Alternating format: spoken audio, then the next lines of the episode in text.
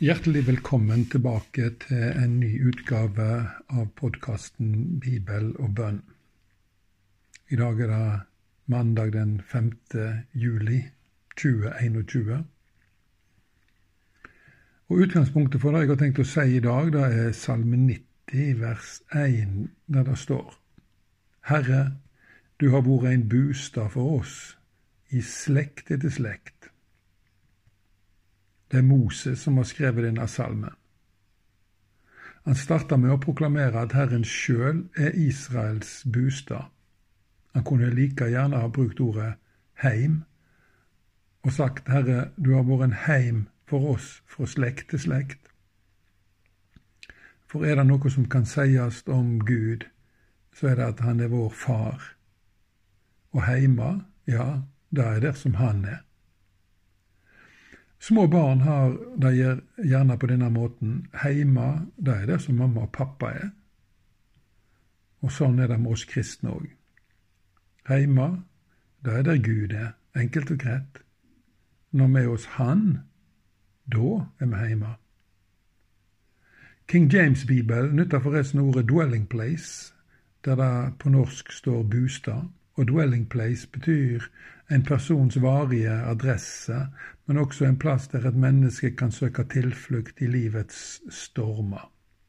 Og da er det logisk at Martin Luther i sin tyske oversettelse har oversatt ordet med 'zuflucht', altså et tilflukt.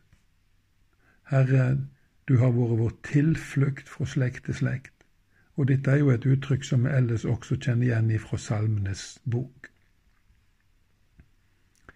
Dette verset er interessant òg i lys av Matteus 11, 28, der Jesus inviterer alle som sliter og har tungt å bære, til seg. Han inviterer de til å ta sin tilflukt til Han, flytte inn hos Han, så å si. Og dermed har han gjort det kjenne hvem han er. Han er den Gud som taler og åpenbarer seg på hvert eneste blad i Det gamle testamentet. Ingen menneske er hos Gud uten å være hos Jesus. Ingen andre plasser finner vi Gud enn hos og i Jesus. For han er Gud, han som kom som et menneske for å forsone oss alle med Gud. Og når vi kommer til tro på Han, blir vi Guds barn av nåde. Og vi flytter inn i farshuset, det som varer fra slekt til slekt. For en plass å være. Men det er litt mer å si om dette òg. Bibelen lærer oss at Jesus er Guds ord, og kirka hans kropp. Og skal du leve nær til Jesus, så må du fordype deg i Bibelen, praktisere det du leser der, og holde deg helt i sentrum av menighetens fellesskap. Der får du den undervisning og den maten og den drikka og den menneskelige varmen du trenger for å holde deg frisk og sunn som kristen. Vi skal be sammen. I dag når jeg våkna, så våkna jeg med ei bønn i hodet mitt, og den var sånn, Herre, må mitt liv, min familie, min menighet, min arbeidsplass, mitt lokalsamfunn blir totalt forvandla av Den hellige ande. Sånn vil jeg begynne denne dagens bønn.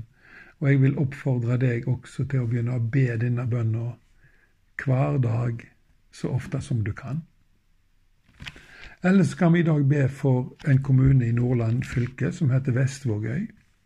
Det er den mest folkerike kommunen i Lofoten, med over 11 000 innbyggere som driver med fiske, naturligvis, fiskeindustri, jordbruk og turisme.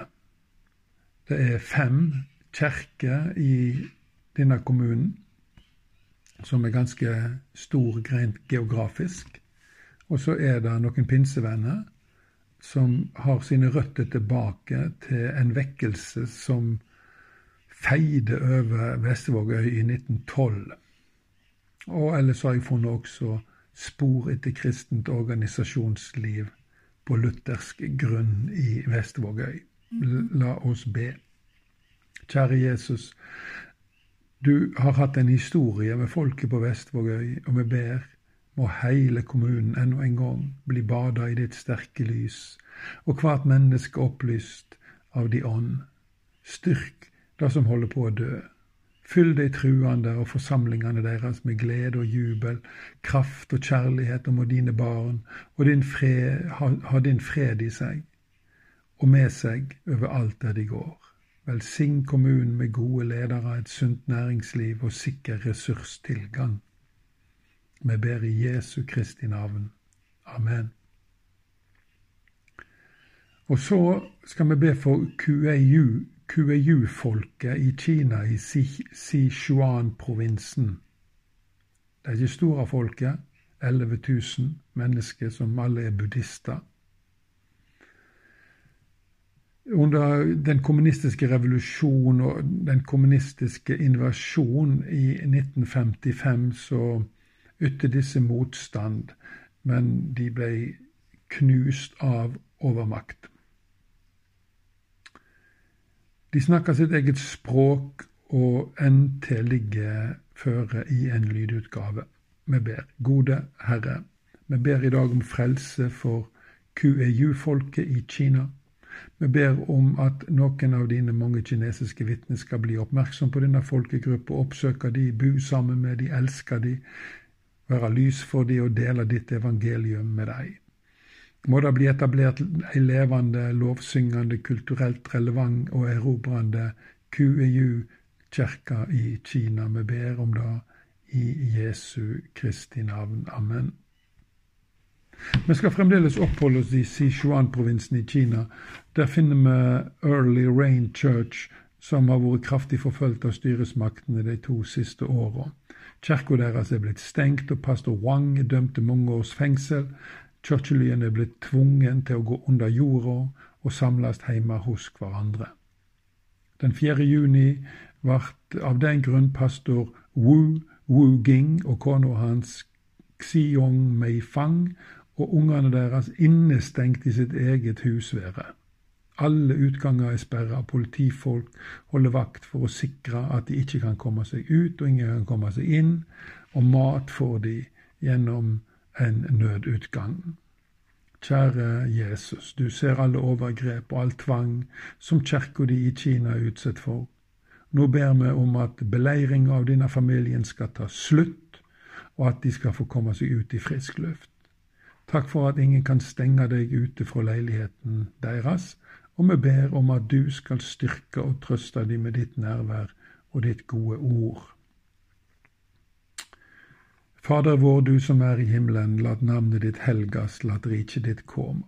Lat viljen din råde på jorda så som i himmelen. Gi oss i dag vårt daglige brød, og forlat oss vår skyld som vi òg forlet våre skyldmenn og før oss ikke ut i freisting, men frels oss fra det vonde, for riket er ditt og makta og æra i all eva. Må Herren velsigne deg og bevare deg. Må Han la sitt ansikt lyse over deg og være deg nådig. Må Han løfte sitt åsyn på deg og gi deg fred. Amen. Tusen hjertelig takk for at du tok deg tid å lytte til Guds ord og være med i bønn. Og ønsker deg fortsatt en god dag. Og velkommen tilbake ved neste sending.